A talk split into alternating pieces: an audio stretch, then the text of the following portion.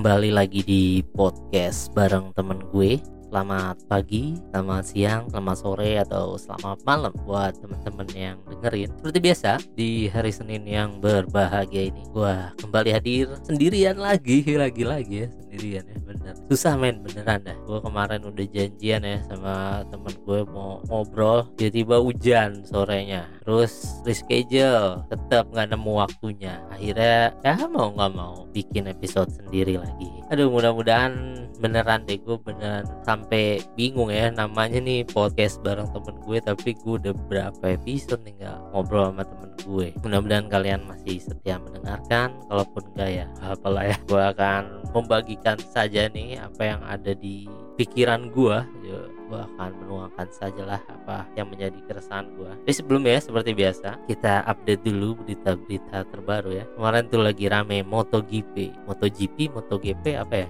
MotoGP sih gue biasanya kalau gue ya di Mandalika. Akhirnya Indonesia punya event MotoGP setelah cukup lama ya. Terakhir tuh di Sentul waktu gue masih kecil banget tuh gue zamannya Mike Duhan. Sekarang udah zamannya Mark Marquez. Walaupun Marquez kemarin nggak jadi main ya karena cedera cedera ngeri banget sih kalau kalian lihat videonya tuh dia planting dan emang dari free practice dia juga kan jatuh ya. Jadi kemarin akhirnya tidak bisa ikut serta dalam balapan dan hasilnya kemarin yang menang tuh Miguel Oliveira. Gue beneran ya untuk MotoGP seri kali ini gue beneran udah beberapa tahun terakhir sih gue nggak ngikutin ya. Terakhir mungkin zamannya Valentino Rossi itu juga yang beberapa tahun lalu ya. Entah kenapa dulu alhamdulillah gue punya kesempatan buat nonton di Malaysia ya di Sepang. Dan gue udah ngerasain atmosfer nonton langsung MotoGP gitu. Dan sejak saat itu tuh emang keinginan gue buat ngikutin MotoGP tuh mulai berkurang. Di samping emang pembalap-pembalapnya kan baru nih ya muda-muda. Sementara pembalap yang gue tahu ya dari zaman dulu tuh udah mulai pada pensiun gitu. Udah paling ya beberapa gitu yang masih gue tahu. Tapi yang baru-baru ini gue nggak ngikutin ya. Terakhir sih gue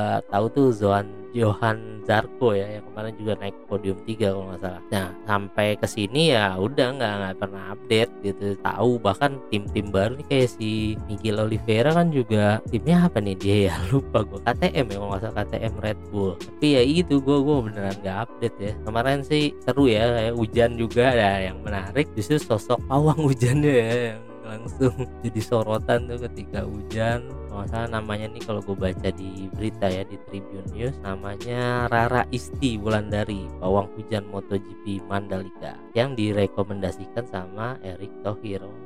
Dari Eric Nah iya dia nih yang jadi pusat perhatian kemarin ya karena dia masuk ke lintasan dengan ritualnya dan banyak yang ngetawain juga ya banyak yang ngeliatin bahkan memparodikan ya pembalapnya itu Quartararo ya atau gue bener apa enggak yang memparodikan ritualnya dia. Tapi menarik sih kita jangan lihat gimana gimana ya tapi ini jadi salah satu apa ya salah satu hal yang berbeda gitu di MotoGP gitu. Jadi ya ini inilah Indonesia gitu dengan segala kelebihan dan kekurangannya gitu. Dan yang gue heran ya maksud gue gue terlepas segala pro dan kontranya ya tentang MotoGP ataupun nanti Formula E. Menurut gue yang positifnya adalah ya kita harus bangga sih bahwa ada event besar yang bisa diselenggarakan dan kita punya fasilitasnya gitu. Kayak kemarin pas gue nonton gue nggak nonton sampai full sih gue nonton startnya karena kan kuncinya balapan tuh di startnya pas startnya gue tonton oke okay sih gitu. Maksud gue ya ini emang udah wajib bangga kita punya sirkuit dan punya bisa menyelenggarakan event ini ya. Jadi jangan dibawa ke politik jangan dibawa ke hal-hal sentimen yang negatif gitu kan. Jadi ya ini tetap olahraga gitu seperti yang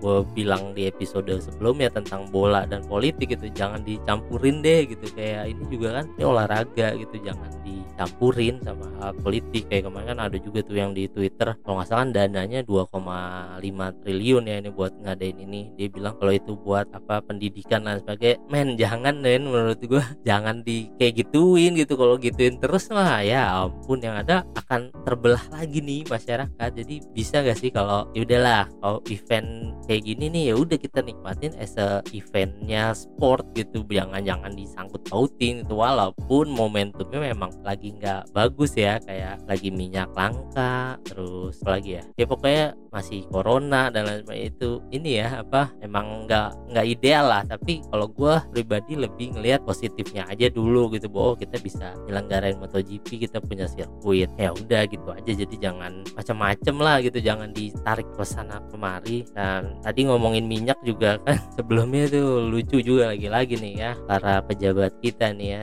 yang kontroversi ya Perdagangan yang sempat bilang dia menyerah karena tidak bisa mengendalikan harga minyak gitu dan minyaknya langka. Eh, bukan pengendalian harga minyak ya dia udah ngeluarin harga eceran tertinggi terus tiba-tiba minyak langka. Ketika dia cabut itu minyak ada lagi ya. Ini kan permainan mafia ya dan dia menyerah kan waktu itu yang bikin rame dia bilang menyerah dengan mafia. Sehingga masyarakat langsung bereaksi kan ya, ya gimana gitu pejabatnya aja nyerah sama mafia. Ada-ada aja ya walaupun ya terakhir ya kalau kata orang rumah sih udah mulai normal stok tapi harga emang masih tinggi masih 50 ribuan ya per 2 liter dan nyari yang satu liter gak jarang. Ya mudah-mudahan aja nih mau puasa juga mudah-mudahan nggak macam-macam ya maksudnya kita pengen menjalani ibadah puasa dengan tenang gitu setelah setelah dua tahun pandemi ini masa iya sih ini mau puasa dengan situasi yang nggak enak lagi gitu. Jadi ya udahlah gitu mudah-mudahan kelar nih urusan minyak perminyakan nih. Terus kemarin kalau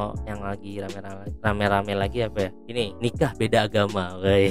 nah ini mungkin sebenarnya biasa ya maksudnya umum lah. Lu pasti pernah dengar lah nikah beda agama. Ada yang di luar negeri ada yang diem-diem. Tapi kemarin yang mencuat kan karena yang melakukan adalah staf khusus presiden. Jadinya rame dah tuh. Di apa namanya ntar gue cari dulu. Oh ini ada berita ini dari suara.com namanya Ayu Kartika Dewi sama Gerard Bastian. Nah dia terlepas gimana backgroundnya atau apa ya ini emang kontroversial banget ya. Gue juga kayaknya nggak mau ngebahas ya karena ini sensitif banget isunya. Tapi gue berprinsip kalau gue pribadi sih kalau nikah ya udahlah seagama aja gitu. Karena walaupun kan banyak ya yang eh kalau cintanya ternyata beda agama atau apa ya gimana ya? Maksudnya gue orang yang beragama dan dalam agama gue diajarkan untuk ya lu nikah harus satu agama gitu. Jadi ya apa pun lah ininya nggak bisa tuh jadi pembenaran. Walaupun sakit ya pasti ketika kita suka atau menyayangi seseorang tapi dia berbeda keyakinan itu tapi ya mau gimana gitu kan. Kalau gue sih pribadi kurang setuju dengan nikah beda beda agama tapi lagi-lagi ini negara demokrasi jadi silakan saja kalau memang itu bisa dilakukan gitu. Jadi ya udah gue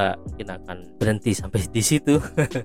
Karena sensitif men dan kayaknya lebih enak ini didebat didebatin sama orang gitu. Jadi kok pikiran sendiri yang ada ntar gue dibilang soto ya. Oke dan yang rame juga kemarin tuh kan lain apa minyak terus uh, staff sus yang menikah beda agama juga sebelum sebelumnya tuh yang presiden camping di calon ibu kota baru di IKN itu juga kan rame ya yang ngapain sih gitu kan dan lain sebagainya. Tapi ya itu lagi gue yang gue sorotin adalah kenapa ya negara kita tuh seneng banget hal-hal yang simbolis gitu ya? Kayak yang kemarin kan ada ngumpulin tanah dari seluruh Nusantara ngumpulin air apa taruh di kendi. Nah ya gue tahu sih ini sebagai yang gue bilang tadi kayak di di MotoGP kan ada pawang hujan juga itu bagian dari budaya ya. Maksudnya udah ada lah di Indonesia dan mungkin hal-hal yang seperti Pak Presiden lakukan di sana juga udah ada gitu. Tapi menurut gua bukan itu sih urgensinya gitu. Urgensinya kan ternyata kemarin investor yang mau apa modalin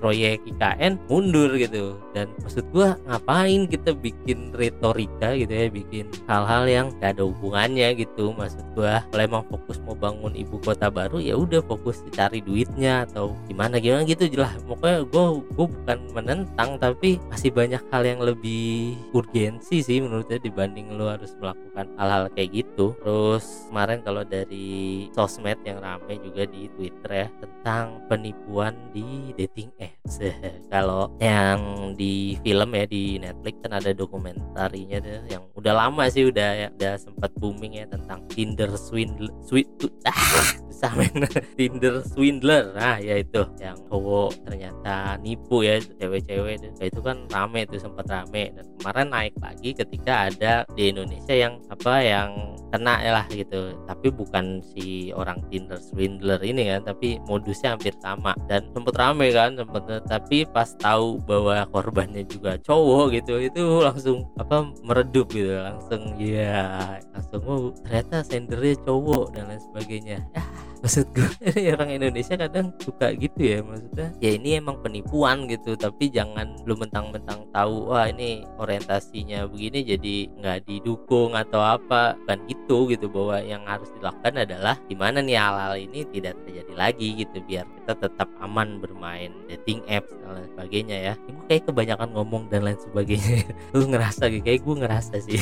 Tinggal apa kita coba lagi. Ah ngomongin soal apa dating apps ya gue juga main ya karena di usia gue yang sudah cukup mature ini kan gue masih belum menikah dan teman-teman gue banyak yang nyaranin lo main dating app gitu. Gue main dan emang random random banget sih. Dan gue punya beberapa pengalaman gitu yang oh begini ya ternyata ya orang-orangnya gitu kemarin pas gue nonton Tinder Swindler itu ya ada beberapa hal yang relate sih yang oh iya emang kayak gitu gitu kalau kalian. Atau ya kalau yang seumuran gue masih pasti main sih kayaknya ya gue ngejudge gitu. Kayak main sih. Tapi emang gue rasain ya ada hal-hal yang relate gitu. Mungkin nih gue pengen bahas ini sebenarnya tentang dating apps ya tapi lagi-lagi gue mau cari narasumber dulu kali ya biar lebih terperinci gitu biar lebih asik gitu ngomongnya. Tapi gue kayak janji-janji mulu ya kayak pemerintah ya pengen ini pengen itu ujung-ujungnya ngomong sendiri juga tapi nggak apa lah mudah-mudahan di episode berikutnya gue udah bisa menghadirkan lagi bintang tamu kalaupun enggak ya mudah-mudahan gue punya topik yang lebih spesifik ya kayak mungkin dating apps kali ya gue bahas ya tentang, tentang pengalaman gue main dating apps atau pengalaman gue di